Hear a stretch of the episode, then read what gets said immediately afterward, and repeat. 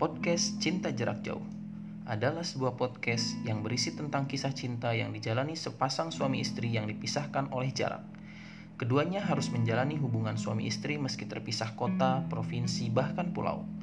Berat bagi keduanya, terlebih saat ini mereka berdua sudah memiliki dua anak yang masih kecil-kecil. Tapi semuanya harus dilalui dan dihadapi dengan alasan kebutuhan, passion, idealisme, dan masa depan yang mereka impikan.